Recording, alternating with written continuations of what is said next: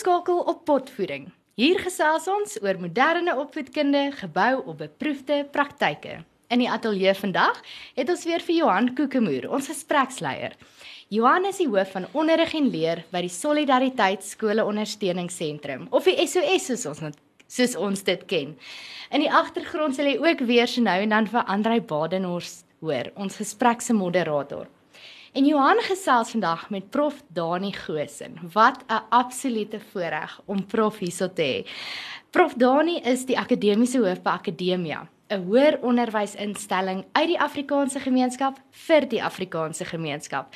Welkom Johan en Prof Dani. Dankie Charlotte. Baie ehm, dankie. Um, dankie Prof vir hierdie geleentheid. Ek dink dit is regtig 'n uh, geleentheid wat ons nie wou laat um, gly nie. So ons sê baie dankie vir die tyd. Ek ek ek wil wegspring met ehm um, prof is aan die stuur van akademia se opvoedingsideaal. En wanneer mense oor die opvoedingsideaal gesels en jy hoor dit die eerste keer, dan dan voel dit vir mense dalk ehm um, bietjie iets in die lug. Uh, iets ja. dink die Engelse woord is airy fairy. En die eerste keer toe ek dit hoor en ek dit lees, toe is ek redelik stom want toe word op my woorde gegee vir dit wat ek binnekant voel. Dis wat dit moet wees. En ek wil graag vir die vir die mense wat nou luister as prof dalk net bietjie vir ons kan vertel daai bronne wat wat waaruit hierdie opvoedingsideaal gebou is. Ja. Prof kan oor die stede gesels of die bronne. Ek dink is iets wat ons net net elke persoon moet net hoor waar dit vandaan kom. Ja.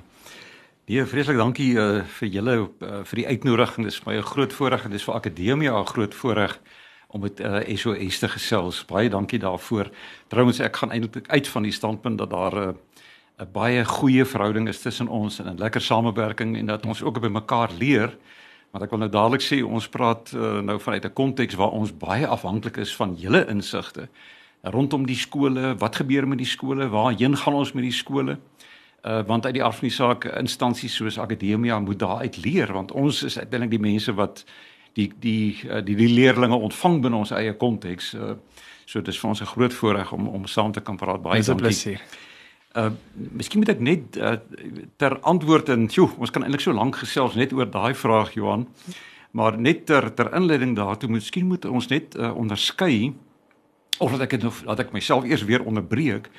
Dis eintlik vandag heerlik om sê nou maar aan 'n nuwe universitêre uh ruimte te ontwikkel uh uh enswan enswan en in die proses uh nie te dink oor wat beteken universiteit vandag nie. So dit is dis eintlik die ongelooflike wonderlike uitdaging waarvoor ons vandag te staan gekom het is ja, kom ons ons bou nou 'n nuwe instelling, maar kom ons bedink hom mooi weer deur uh en ons kyk of ons eintlik 'n antwoord kan wees op sê nou maar die krisisse binne in die bestaande universiteitswese.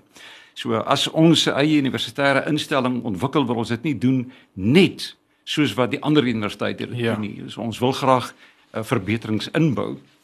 En uh, om dit te verduidelik uh, waarmee ons besig is, uh, moet mens miskien werk met die onderskeid tussen opleiding uh, en opvoeding. Uh, nou alle universiteite uh fokus op opleiding, die beste moontlike opleiding binne in bepaalde dissiplines.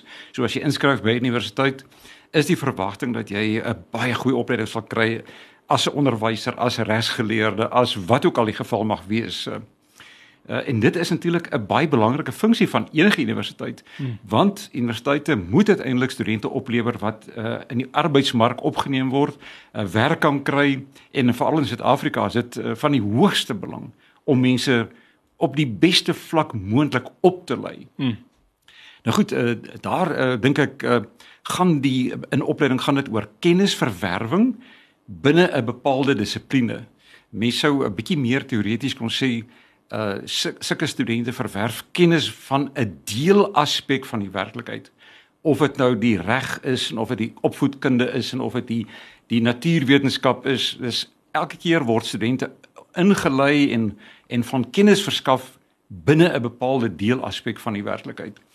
Nou die opvoedingsideaal het eintlik te doen uh, dis sluit baie nou daarbey aan mens moet altyd net sê die opvoedingsideaal of die gedagte van opvoeding staan nie in spanning met opleiding nie die goed komplementeer mekaar. Ja.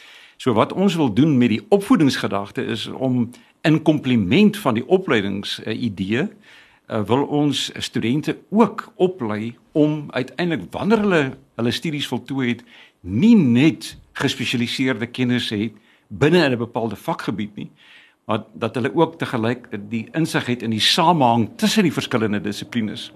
Om dit nou maar uh, eenvoudig te stel, ons wil nie hê dat ons net opgeleide uh en geleerde barbare het as te ware. Ons ons praat baie daarvan. As jy nou in 'n bepaalde dissipline opgelei is en jy weet net van daai dissipline sê nou maar jy is 'n spesialis op die die voorpote van 'n springkaan dan is jy weet jy net van van springkane miskien net van die voorpote van springkane maar jy weet nie wat die verband is tussen jou biologiese kennis en die teologiese kennis en die etiese kennis en die politieke kennis en die geskiedenis van die biologie en so aan nie. Hmm. Uh en die die opvoedingsideaal kom eintlik uit die oudste universiteite. Maar dit het die afgelope jare eintlik in die agtergrond verdwyn en ons uh uh dink die opleiding geskied die beste as ons weer dit kan in samehang sien met die opvoedingsideaal. Mm. So ons is eintlik besig met 'n nuwe ding maar gegrond op baie baie ou patrone in die universiteite. En so so daai bronne as ek dit as ek dit reg het het ons ehm um, Rome wat die bron is van van orde, van wet, ja, van van ja. rangskikking. Ja. Ons het Athene wat die bron is van van wysheid. Ja. En ehm um, ek sê amper logika en argumentering ja. en daai goed en dan ons Jerusalem wat ons bron is van ons van ons geloof. Ja. En, ja. en en wanneer ons dan uit ek het verstaan uit van uit daai bronne werk, dan het jy dan jy 'n sekere vorm van begronding.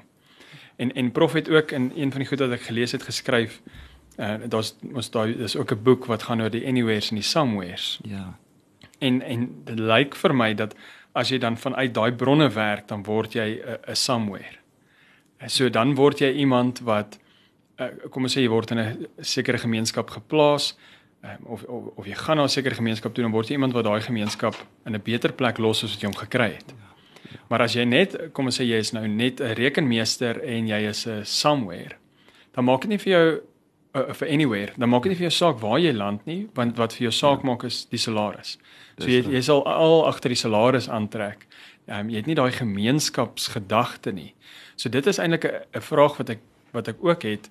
Ehm um, wanneer ons kyk na na hierdie idee van opleiding teenoor opvoeding. Dit dit wat ek aflei is opleiding het meer aandag geniet want dit is dis makliker meetbaar. Ehm um, dit is bietjie meer ehm um, eksak. Dis bietjie ja. meer ehm um, jy kan jy kan boksies tik en sê okay, ek weet hoe om somme te doen, ek weet om te spel, ek weet om wat ook al. Ja. En, en en en as ek vanuit 'n skoolkonteks sien ek ook wanneer ons aan die einde van die jaar kom met 'n eindeksamen dan dan is daar 'n groot klem net op die uitsette. Ja. Ehm um, ongeag of daai ou wat nie 98% het vir wiskunde of hy 'n tiran is. Dit maak glad nie saak nie, want vir die skool is daai uitset regtig goed. Ja. En ehm um, ek dink dit was Dan Potgieter wat gesê die manier hoe hy gemeet het as 'n skoolhoof was die verskil wat die leerders wat sy skool oplewer maak in die gemeenskappe waar hulle land. Ja. Ehm um, so so dit is dis eintlik my vraag is hoekom dink prof het ons wegbeweeg van opvoeding? Wegbeweeg van hierdie bronne. Ehm um, wat wat het gebeur? Ja. Ja, miskien moet ek net uh, uh ja, dankie Johan. Dit is 'n uh, 'n uh, mondvol. Uh, ons kan ook net oor daai vraag ure gesels. Maar ek wil net ehm uh, net ter wille van uh, die antwoord op die op die vraag net weer onderskei tussen opvoeding uh wat verband hou eintlik met 'n insig in die geheel om dit nou maar bietjie abstrakt te formuleer of dan bietjie meer konkreet geformuleer uh, insig in die samehang tussen die verskillende dissiplines en opleiding wat natuurlik gaan oor kennis uh, verwerwing in een dissipline. Uh en uh net eerstens na die verwysing na die bronne uh, wanneer ons vra na die geheel of na die samehang van dinge uh, is ons groot historiese bronne praat van die westerse kultuur van kardinale belang jy weet so waar leer ons uh, uh, om 'n insig te ontwikkel in die geheel van dinge? Ons leer dit onder andere om dit net nou maar kort saam te vat uit Athene met ander woorde die klassieke Atheense erfenis. En hoekom daaruit is? Omdat in daardie wêreld is die eerste mal uh, wat ons van weet binne die westerse geskiedenis is die vraag na die geheel deur uh, onder andere die ou Griekse filosowe ter sprake gebring. Hmm. En die ou Griekse filosowe het gedink jy is eers 'n volwaardige mens as jy as jy 'n blik het op die geheel van dinge. So jy's eers dan wys, jy weet. So hoe dis hoekom uh, Athene vir ons belangrik is, maar Rome is ook vir ons belangrik vanuit hierdie uh, oogpunt. Want uh die ou Rome het vir ons geleer hoe om oor die groter orde van dinge te dink. Mm. Uh, hoe hoe rig jy 'n politieke orde in? Nie dat ons vandag saamstem met wenig met hoe hulle dit gedoen het nie. Ja, ja. Maar hulle die vraag uh, ter sprake gebring hoe rig jy 'n orde in? Uh watter wetgewing uh is ter sprake wanneer jy so 'n groot orde in inrig en so aan, jy weet, so 'n geweldige belangrike rol wat so in stad kan speel of nooit maar 'n stad uh in die beantwoording van die vraag na die geheel en dan natuurlik ons Christelike erfenis, ons heel belangrikste erfenis. Uh noem dit maar die die stad Jerusalem as jy wil. En daaruit leer ons veral uh hoe lyk die skepping? As jy die skepping ter sprake bring, bring jy eintlik die geheel ter sprake. Jy bring nie net 'n mm. deel aspek van die skepping nie, maar jy kyk na die ganse skepping as iets wat vir ons gegee is en uh, uh wat uh, vir ons uh, as rentmeesters gegee is waarvoor ons uh, moet sorg, moet verantwoordelikheid aanvaar en so aan, jy weet. So die die vraag na die geheel is verskriklik belangrik uh met aansluiting by ons uh geloofsuitgangspunte.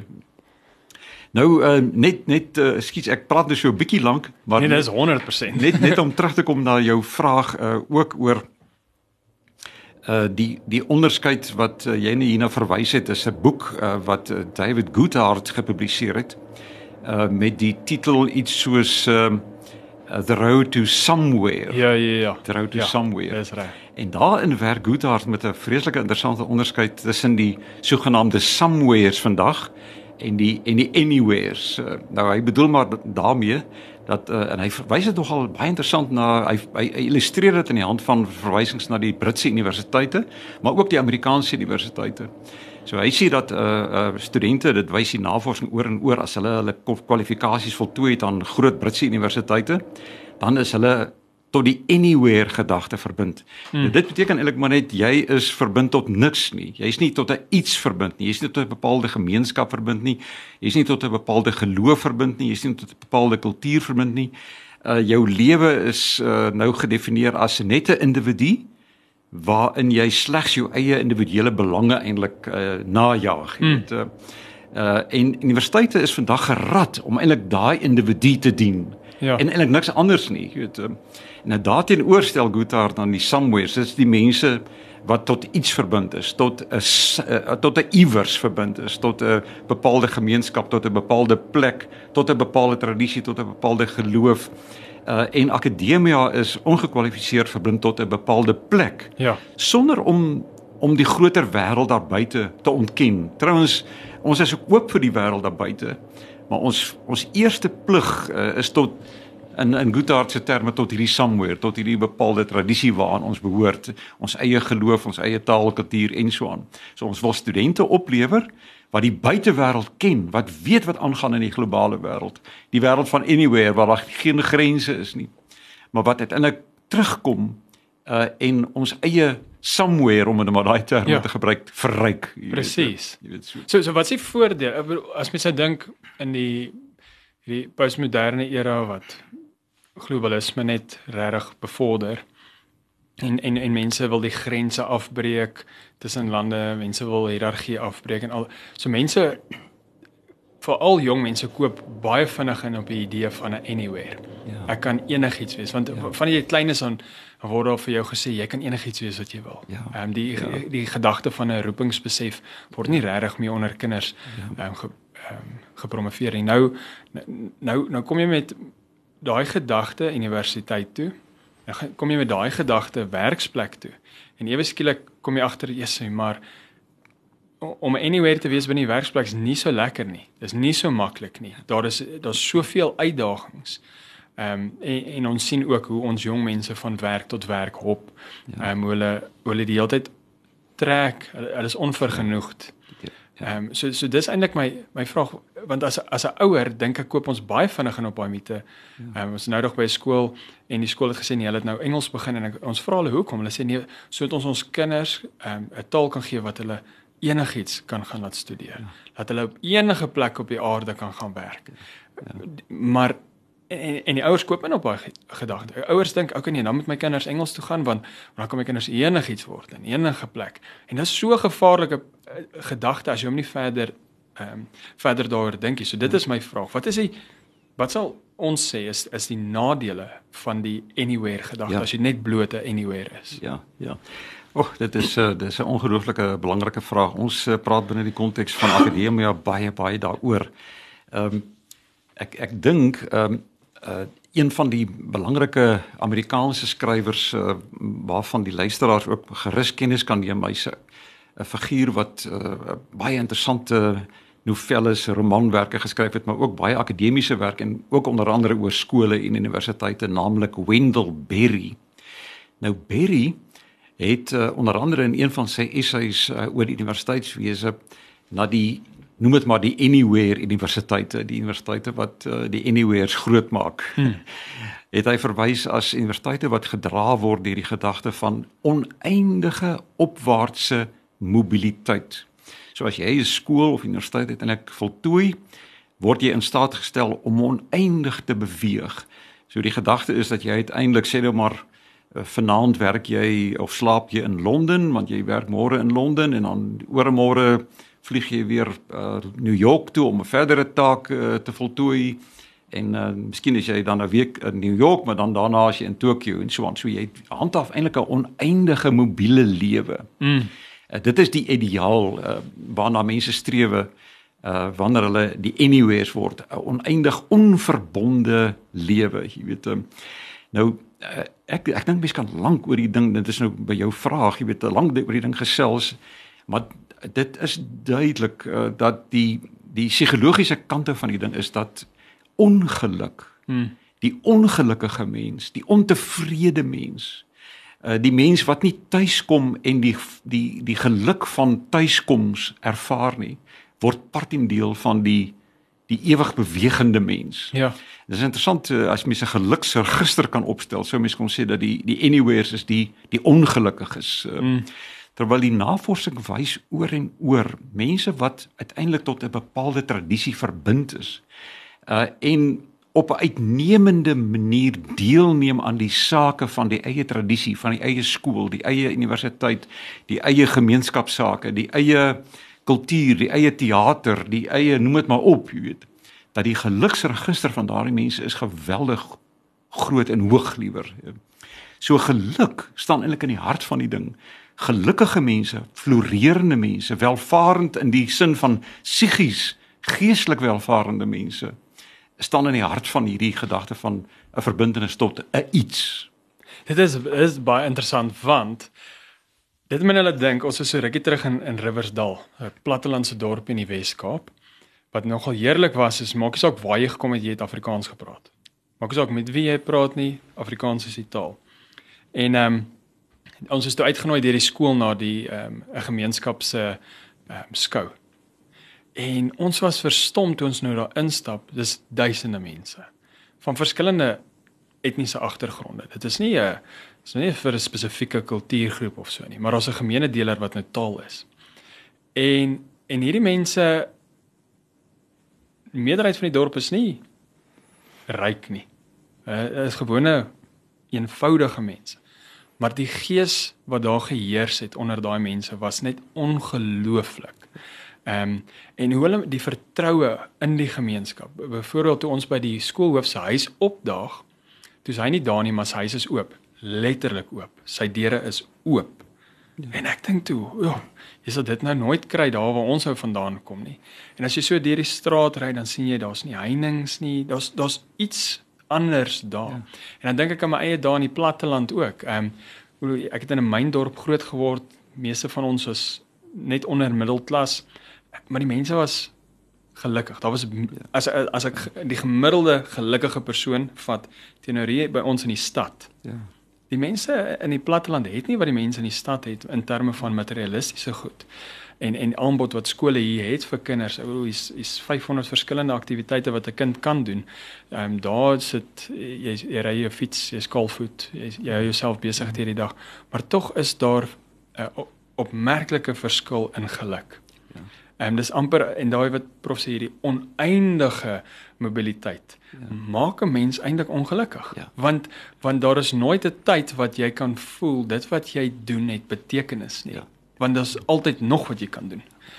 So so, so op daai gedagte is is is dit is dit 'n regte manier om om daar te dink want ek dink as 'n ouer teenoor eh, wat nou 'n kind in 'n skool moet sit of 'n skool moet kies of so ehm um, ek sê nie ons moet happiness pursue soos wat die Amerikaners sal sê nie maar maar wat ons dink ons kind gaan gelukkig maak en wat ons kind gaan gelukkig maak ek dink daar is 'n 'n groot gaping ja ja Ja, ek ek dink dit uh, ons ek wil nou daarby terugkom uh, die die vraag natuurlik wat bedoel ons by geluk? Ja, wat ja. hoe op aarde wat wat is nou want daar is soveel definisies wat 'n mens kan heg daaraan.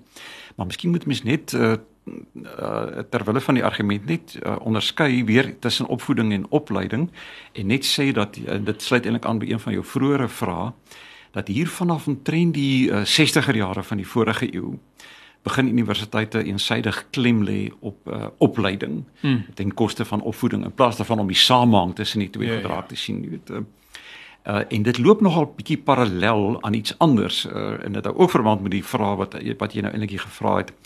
Die die onderskeid is nou nie direkte universitêre of 'n uh, uh, opvoedkundige onderskeid wat ek hier gebruik nie, maar die onderskeid tussen gemeenskap en individu. Hmm. Uh en Mens sou kon sê nog meer vanaf die 60er jare begin dit duidelik word in die westerse wêreld in elk geval dat ons eensydig klem lê uh, op die belangrikheid van die individu, jy weet en dat die gemeenskap uh onderspeel word. Uh, nou uh net soos wat ons eintlik 'n samehang opsoek tussen sê maar opvoeding en en opleiding soek ons ook 'n samehang tussen gemeenskap en individu, weet. Hmm. En gaan ons uit van die standpunt dat die goed uh, gemeenskap en individu uh die die leerling wat uh, bedag is op sy eie individuele belange sowel as die samehang tussen my eie individuele belange en die gemeenskap se belange. Daai samehang tussen gemeenskap en individu is eintlik die ideale ding wat 'n mens wil hê want hmm. hulle versterk mekaar onderling, gemeenskap en individu, jy weet. Uh gou net 'n voorbeeld, uh, ek verwys gereeld daarna, ek dink ek ons het al vroeë gesprekke oor daarna verwys. As mens kyk na die groot skepende kragte uh, onder Afrikaners en Afrikaanssprekendes. Die sê maar die groot digters, die Elisabeth Eybers uh, en die MP van Wyk Louws en die ek, ek kan hom maar net hmm. opnoem, weet vanaf die eerste digter, die Eugene Maree en so aan. Dat uh daardie daardie uh individue wat so skepend is, is moontlik gemaak deur Afrikaanse huise, Afrikaanse kerke, Afrikaanse hmm. skole, Afrikaanse universiteite. Hulle deur gemeenskapsinstellings is hulle moontlik gemaak. So daar kry jy alreeds jy kan aanvoel die die samehang tussen gemeenskap en individu nie. Um, ja ja. Maar te gelyk het die individu die gemeenskap, die skepende individu hierdie gemeenskap verryk weer. Stel jou voor ons uh, het nie 'n uh, NP van Wyk Lou gehad nie. Ja. So daai goed het mekaar nodig. Uh, nou ek wil net vinnig verwys ook na die kwessie van geluk. Uh, dit knoop miskien 'n bietjie hierby aan. Uh die ou Grieke, uh, maar dit kom ek veral uit ons Christelike uh, tradisie ehm uh, uh, miskien het ons dit al vergeet in dat uh, in ons in ons teologiese denke jy weet dat uh, uh, geluk is uh, dwars deur die eeue baie verbind aan die hele gedagte van om op 'n uitnemende manier deel te neem aan die sake van die gemeenskap. Nou 'n bietjie meer konkreet uh, gestel, uh, as ek 'n onderwyser is, uh, uh om op 'n uitnemende manier deel te neem aan die sake van die skool. Hmm. Dit skep die voorwaardes vir geluk. Dis soos ek dit graag sou wou omskryf, jy weet, uh, dat geluk hou verband met uitnemende deelname. Uh nou by uitnemende deelname, mens kan daar ook uh, onder baie dinge verstaan, maar sê nou maar deelname gegrond op die ou deugde om ehm um, om verstandig te handel in in die skoolkonteks om geregtigheid te bewerkstellig binne die skoolkonteks uh om uh om wys dit uh te handel om dapper te handel binne in die skoolkonteks uh om so te handel skep in 'n sekere sin en dit klink vir ons deesdae vreemd maar miskien is dit taal wat ons moet gaan gaan herontdek is die voorwaarde vir geluk. Uh wanneer is 'n onderwyser gelukkig? Wanneer wanneer sy haar werk uitnemend doen dis ja. wat ek klink maar sê ja Ehm um, ons is nie meer ge gewoond daaraan om te dink dat daar is 'n sekere geluk in die onderwys ingebou. Daar's 'n sekere geluk in die in die universiteitslewe ingebou en as ons uitnemend die universitêre ideale nastrewe dan dan skep ons ook die voorwaarde vir 'n gelukkige dosente, gelukkige studente om die waarheid te sê en so aan en so aan. So as ek daai kan aflei, sal daai geluk ook gekoppel wees aan die betekenis van jou werk. 100%. Want want as mens nou dink, ehm um, ons kyk vandag na gemeenskappe en ehm um, ander het my artikel gestuur wat dit wat wat spesifiek gesê het um, 'n opgevoede mens besef dat dit wat hy aan sy gemeenskap doen doen hy aan homself. Hmm. En dan kan jy so deur gemeenskappe kyk en en en jy kan kyk waar daar goeie instellings is. En jy jy kyk na die fisiese omgewing. Ja. Hoe die mense die fisiese omgewing oppas. En dan kyk jy na gemeenskappe waar daai instellings ontbreek of of arm is. Dan kyk jy na hulle fisiese omgewing. Want dit is daai gedagte dat hierdie hierdie somewheres hoef nie regtig op te pas waar hy nou is nie want hy's môre op 'n ander plek die die anywhere. Ag die anyways, die anyways. Ja, ja. Ek ek mengel sommer ja. dit Engels is dat ek so de mekaar raak. Ja. Ehm um, maar hulle mooi Afrikaanse woorde kry. Ek self het nog nie mooi Afrikaanse woorde gekry daarvoor nie. Hierdie somewheres weet ek is môre wie. Presies. En en en en my nageslag is 10 teen 1 ook hier. Ehm um, en dis hoekom hulle dit so oppas. As jy dink aan boere, elke generasie maak daai boere daai grond en en die huis en alles net beter. En en hulle bou op want hulle weet dis hulle dis hulle ja. plek. Ehm ja. um, en, en ek dink ons het dit tog verloor in hierdie gedagte van ek kan enigiets wees waar ek wil wees, wanneer ek wil wees. Dat jy hoef nie regtig om te gee waar jy nou is nie, want as dit bietjie lelik is, dan as ek môre op 'n ander plek, ja, dan trek mens, ek net. Mense ja. sien dit in die skole. Ja. Vreeslik. En die ja. in net hoe daar gedissiplineer moet word om die skoolgronde skoon te maak na hmm. elke pouse of na 'n funksie of om die banke op te pas te keer dat niemand op die banke skryf nie. Dit is eintlik ja. baie hartseer. Miskien miskien moet ek uh, net so 'n uh, ekstra noot of 'n ekstra beeldie gebruik uh, net om te illustreer wat eintlik hier op die spel is, jy weet. Uh, um, uh, as 'n mens aan die hand van die onderskeid tussen opleiding wat absoluut noodsaaklik is en opvoeding, die mens sal ook sê die vorming van die studente. Ehm um, as mens met daai onderskeid werk, kan mens dit illustreer aan die hand van die beeld wat dikwels in die argitektuur gebruik word oor die onderskeid tussen uh tussen uh, wanneer argitekke 'n uh, huis ontwerp dan uh, dan onderskei die argitek in sy kop tussen die funksionele kante van die huis uh en die vorm van die huis. Nou dis mm. dis miskien 'n bietjie 'n illustrasie van die onderskeid tussen opleiding en en opvoeding. 'n uh, Argitek as hy huis ontwerp moet baie funksionele goed in ag neem. Mm. Uh hy moet in ag neem dat die dat die dak kan net uh uh op op die en daai muur staan en hierdie en daai muur uh, moet deur hierdie en hierdie sterkte fundament gedra word en so on. So daar's geweldige klomp funksionele goed wat in ag geneem moet word by die ontwerp van 'n huis, jy weet. En daarvoor is opleiding nodig. Daar's ja. baie kennis nodig. Ja. Ek moet weet van die die sterkte van 'n beton en van hout en wat ook al die geval mag wees. 'n Enorme klomp uh vakkundigheid wat as te ware geverg word in die ontwerp van 'n huis. Maar daarmee het jy as jy bloot funksioneel dink nog nie uitgekom by die by die huis regtig nie. Mm. Wat maak die huis regtig 'n huis wat bewoon kan word waarin mense gemeenskap stig, geluk ervaar, gesinne vorm en so aan. Dit is dit is die goed wat aan die kant die funksionele lê. Dit het nie net te doen met die funksie van 'n huis mm. nie, maar met die vorm waar dinge soos die estetiese, die skone van 'n huis ter sprake kom. Die goeie van 'n huis waar die goeie gekultiveer kan word, eh, waar eg gewoon kan word. So dit is dis dis wat mense moet uh, in ag neem dat die funksionele opleiding binne die universitêre konteks is van kardinale belang. Daarsonder kan ons nie 'n huis bou nie. Hmm. Maar die huis is nog nie voltooi wanneer jy net opgelei het nie. Jy moet ook opvoed sodat daar ja. vorm kan kom, sodat daar skoonheid kan kom, sodat daar ehm um, dat dat die goeie gekultiveer kan word, jy weet. Um. Ja, so so, so ek ek kan ek het nou verstaan wat prof nou gesê het, so opvoeding maak van 'n huis se tuiste. Hy dis dis hy, hy 100%. Maak, hy, en en en dis eintlik so mooi gestel want as jy 'n tuiste het, dan wil jy nie trek nie. Maar as jy net 'n huis het, dan want jy is die hele tyd onvergenoeg. Dit is ons kan beter ons kort te swembad, ons kort dit ons ja. maar daar daar waar ek en my vrou nou bly, ehm um, dis ons tuiste. As jy daar instap dan ja, het jy Verstaan, so ek en ek dink ons mis ook daardie. Nou wil ek vir prof iets lees.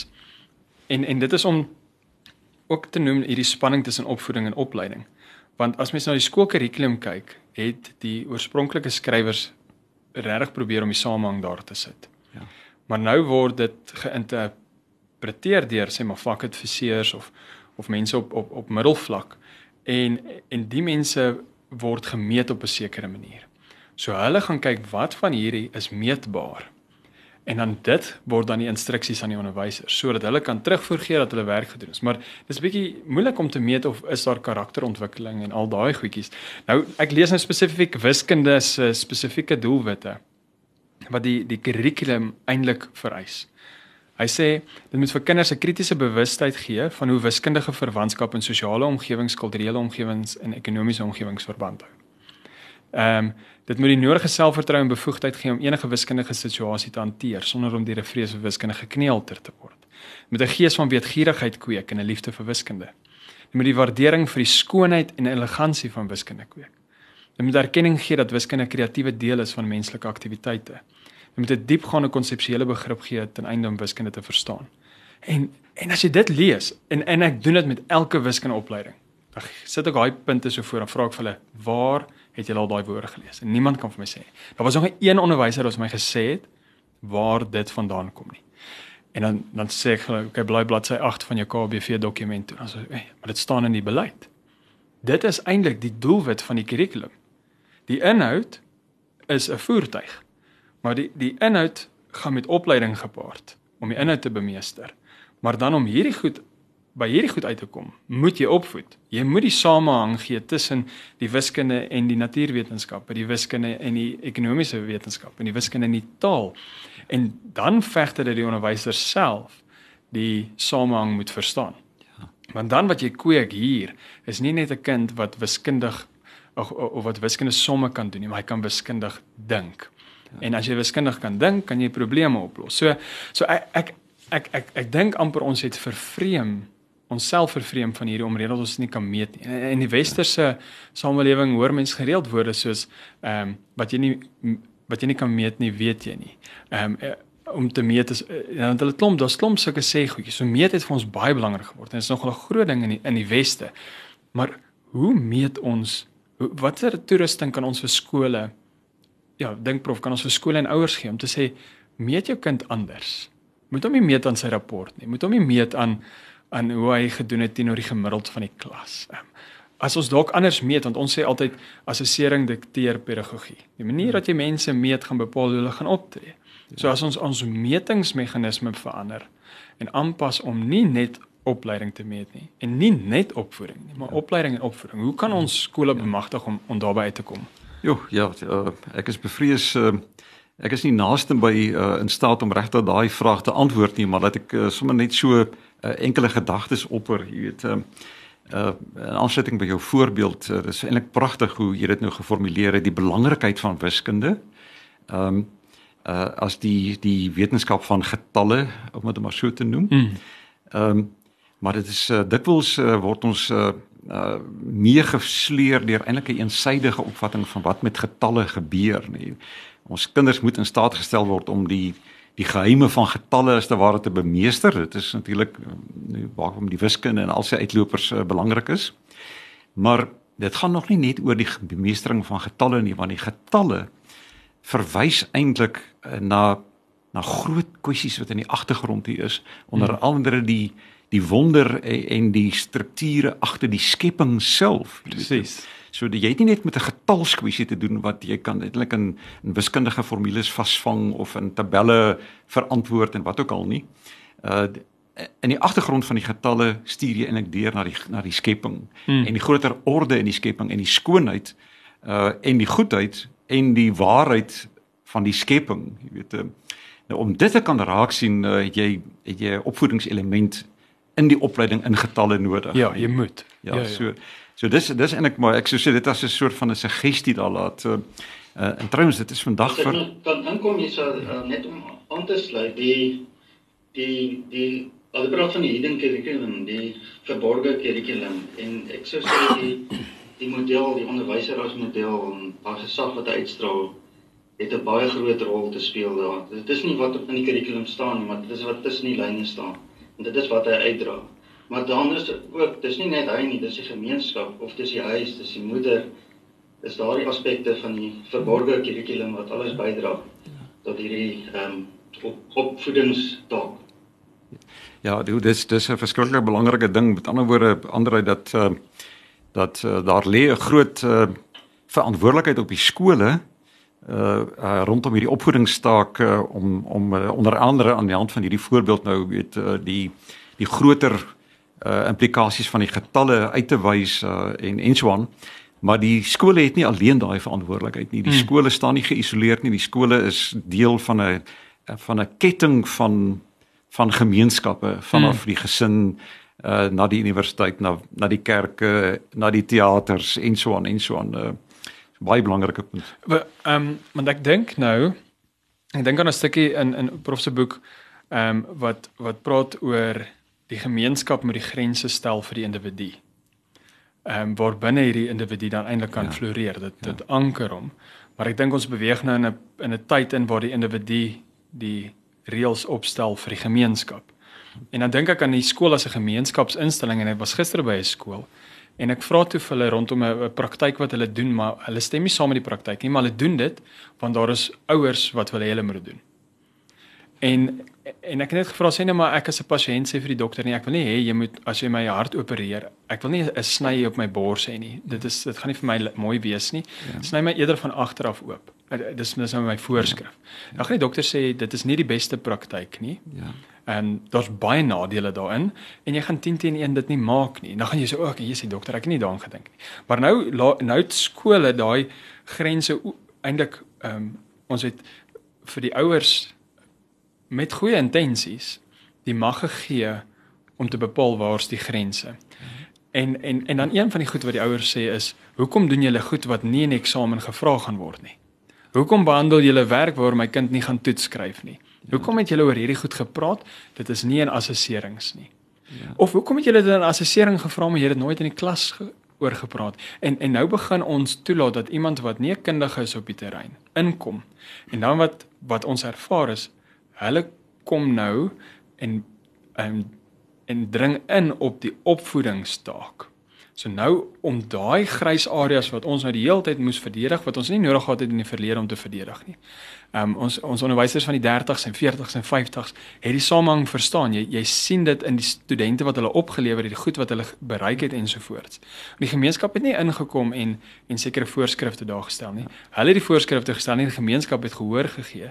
Die individue in die gemeenskap het gehoor gegee aan daardie reëls. Ja. En en ek dink ons moet weer en daai opvoedingsideaal moet ons hoor soos ons nou vandag gehoor het en dan moet ons dit gebruik as ons begrensing waarbinne ons dan sê as 'n skool.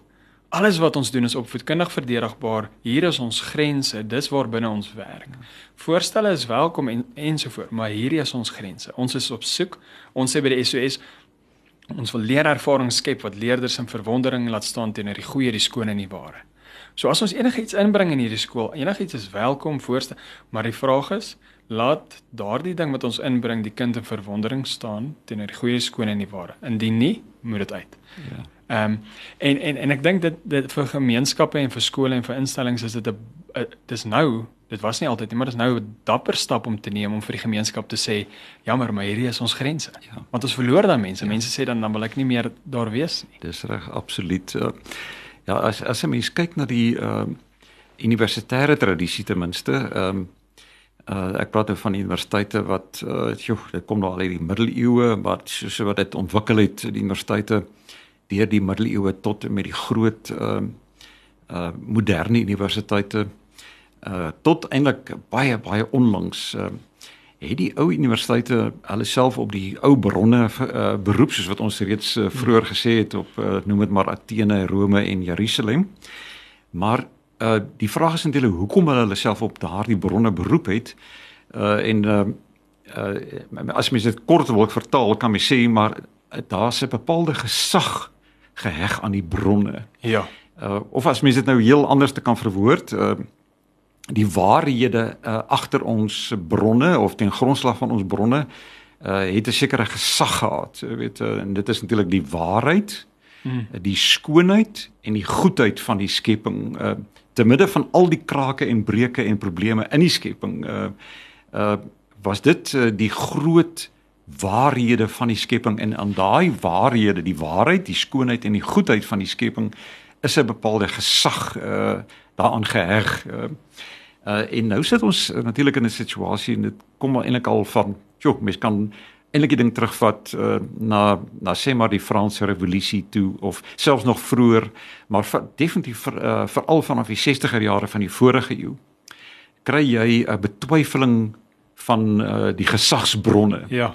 So die wat is waarheid? Hoekom sal ons osself nou hoegenaamd aan waarheid streer? Uh, waarheid is subjektief. Dis bloot subjektief. Dis en skoonheid soos hulle in Engels sê is is bloot in the eye of the beholder. Mm. Dit hang van jouself af. Daar's nie iets so skoonheid nie. Dit hang maar van jou eie subjektiewe inleg hoe jy skoonheid ervaar. Jy weet, dis wat ons mm. dikwels daar's ook nie eens meer soos goedheid nie. Jy weet, mm. dit hang maar van jou eie subjektiewe vooroordeele af. Uh, dit alles impliseer eintlik dat die gesag van hierdie groot waarhede uh, word uh, radikaal bevraagteken. Uh, en dan moet 'n mens vra maar wat is die implikasies daarvan vir jou skole, vir universiteite? En ek dink dit is uh, dit is uh, verwoestend uh, op ons skole en universiteite. Jy weet ons leef vandag in die sogenaamde postwaarheidsera. Mm. Uh en uh, dit is 'n era waarin daar nie gesag kom vanuit die waarheid nie of vanuit die goeie of die skone nie, nê. Nee. Uh en uh, ons een van ons grootste take op skool en universiteit is om dit te herstel, om weer onsself jy weet aan daai gesag en een van die probleme hierso en ek dink uh, Jan ons het al vroeër in 'n uh, ander konteks oor hierdie ding gesels. Uh as mens gaan kyk na wat in aan universiteite gebeur onder andere wat nou wegdoen met die gesagsbeginsel met die waarheid. Wat gebeur uh uh en van die Franse filosofe wat al hier van uit die 60er, 70er, 80er jare kom het dit uiteindelik al baie duidelik verwoord. Uh hulle sê maar alles gaan eintlik oor mag. Mm. So as jy met gesag wegdoen, dan word alles eintlik mag. Ehm uh, jy weet die strewe na waarheid, die strewe na die goeie, die strewe na die skone word deur hierdie Franse filosofe baie eksplisiet uh geïdentifiseer met blote brute magstryd, niks anders nie, jy weet. So wat jy in 'n kry daar is 'n kriminalisering van die ou gesagsbronne, mm. jy weet. Uh en ons moet 'n antwoord gee op hierdie eensydige klem op mag. Uh en uh en weer die die gesag van die gesagsbronne herstel as te ware. Ek, ek dink wat mense nou sien in die wêreld ook afspeel is dat mag word eintlik gevaarliker as daar nie gesag is nie. 100%. Dit word dan word dan kom monsters uit. Ja. En en ek dink ehm um, ek dink prof is 100% in die kol en, en by die SOS praat ons ons wil die die beroep van die onderwyser weer hervestig. En ek dink ons het nou 'n woord gekry. Dit is ons wil die gesag weer teruggee vir die opvoeder wat hy of sy mee geroep is. Ja. Want gesag kom eerstens vanuit 'n mandaat wat vir iemand gegee is, maar nie net die mandaat wat sê jy moet dit nou doen nie, maar ook die die bevoegdheid en die bekwaamheid ja. maak daai gesag volledig. Ja. Maar nou het skole toegelaat dat ouers die gesag dra. Ehm um, hulle gee nou vir die ouers die mandaat om besluit, maar die ouers het nie die bekwaamheid of die bevoegdheid in daai domein nie. So eintlik is daai gesag afbreek en dan word dit eintlik mag. So nou die ouers mag oor hierdie hierdie ja. hierdie onderwysers. So wat hoekom hierdie bronne eintlik so belangrik is. Maar nou kan hierdie opvoeders bemagtig met die bronne van die verlede. Ehm um, kan hulle eintlik hulle gesag verdedig en sê ek gaan nie dit doen nie want dis nie opvoedkundig verdedigbaar nie. Dis nie ek wat dis nie net ek wat so sê nie, maar kyk al hierdie bronne. Ja. Of ek gaan dit nou doen want dit is die ding wat die beste is vir die kind. Dis nie net ek wat so sê nie, hier's al die bronne wat dit sê. Ja. En nou as jy as jy op hierdie bronne steun, dan moet jy eintlik sê daar is iets soos die waarheid. En dis hoekom die, die postmoderne onderwyser kan nie op die bronne steun nie, want daar is nie iets soos waarheid nie. Waarheid is relatief. So hulle moet steun op wat ook al wie ook al se gevoel die sterkste is op die op die gegeewe dag. Ehm um, en, ek dink dit is vir ons 'n baie belangrike punt om om oor te dra is die hervestiging van die opvoeder se gesag binne die klaskamer. Ja. Absoluut, absoluut so. Wat nie beteken dat uh uh weet ek as mens mens bevoel praat van die herstel van die gesag van uh van van die gesagsstrukture binne in 'n in 'n gesin of die gesagsstrukture binne in skole of universiteite wat ook al die geval is, beteken dit nie dat jy met mag dat dit gaan mm -mm. oor die die die mag van die pa of die ma mm -mm. oor die kinders nie. Dit gaan oor die gesag en die gesag kan as dit reg verstaan word, kan nooit verniel na onder toe nie. Ja. Gesag verniel nie, dis mag wat verniel ja, na onder toe. Gesag lei. Ja, gesag lei presies, jy weet. En dit beteken as dit so is, as ons die gesag reg verstaan dat die die kind het in die gesinne inspraak. Die, ja. Die die kind het op skool, die leerling het op skool inspraak. Uh, maar hy bepaal nie die agenda nie. Ja. Uh, jy weet hy word ja. gelei deur die gesag. Uh, so dis nie 'n tirannieke ding nie. Mm -mm. Dit die probleem met word tiranniek as ons uh, uh, gesag en mag met mekaar verwar. Ja. Ja, sê vir die kind mag gee. Uh, dit is presies of jy gee vir die onderwyser mag. Ja. Dis nie waaroor dit gaan nie. Dit die onderwyser praat van uit gesagsposisie. Hmm. En dit kan nie verniel nie. Dit dit kan verniel as dit net mag word. Ja. Ja. So dit is 'n geweldige taak. Wys jy dat uh, die die hele skoolwêreld is ingebed binne in 'n groter kultuurdinamika, jy weet, uh, en die skole dra die letsels of die voordele, die wonder van van die kultuurwêreld. Uh, hmm. En een van die goed wat ons moet doen is is om weer uiteindelik geleidelik aan die hand van van 'n beroep op die opvoedingsideaal as mens wil, die vormingsideaal, 'n sin vir die groter geheel ook uh voorspraak te maak vir die legitimiteit van gesag, jy weet. Baie dankie prof. Ek dink ons tyd is op, Charlotte. Ja, nee, ongelukkig is dit, maar ek het nou terwyl hulle so gepraat het en terwyl ek geluister het, besluit dat ons vir prof binnekort weer dalk dalk op 'n gereelde basis. Ek dink ons kan 'n herhalende vergadering skep vir hierdie gesprek. Dit was werklik baie sinvol en ek dink elke luisteraar sal saamstem. Ek dink elke luisteraar sit nou ook op die punt van hulle stoel en ehm um, wil net nog hoor en wil net nog hoor. So baie dankie prof. Um, baie dankie Johan ook. Dankie Charlotte. En dit is daardie daardie opvoedingsideaal. Kom ons laat kinders in verwondering staan tot die ware, die goeie en die skone. Kom ons kom ons sit daai daai doelwit wat ons as onderwysers vir onsself stel net hoog. Uh, hoog. Ons sit dit daar by die, die ware, die goeie en die skone en ons kyk dan watter kinders ons uit hierdie skoolstelsel uit kan kan vorm in plaas van net hierdie fabriek wat dit geword het hmm. met die monteerlyn en die kom ons kyk net hoe ons hulle dieselfde so vinnig as moontlik met die met die soveel as moontlik inligting in hulle koppe net by die fabriek kan uitstoot. So ja, ja, dit is dit is ongelukkig dan nou die einde van hierdie episode van potvoeding. Deel die boodskap, gesels saam en help ons om die toekoms van Christelike Afrikaanse onderwys te verseker. Tot volgende keer.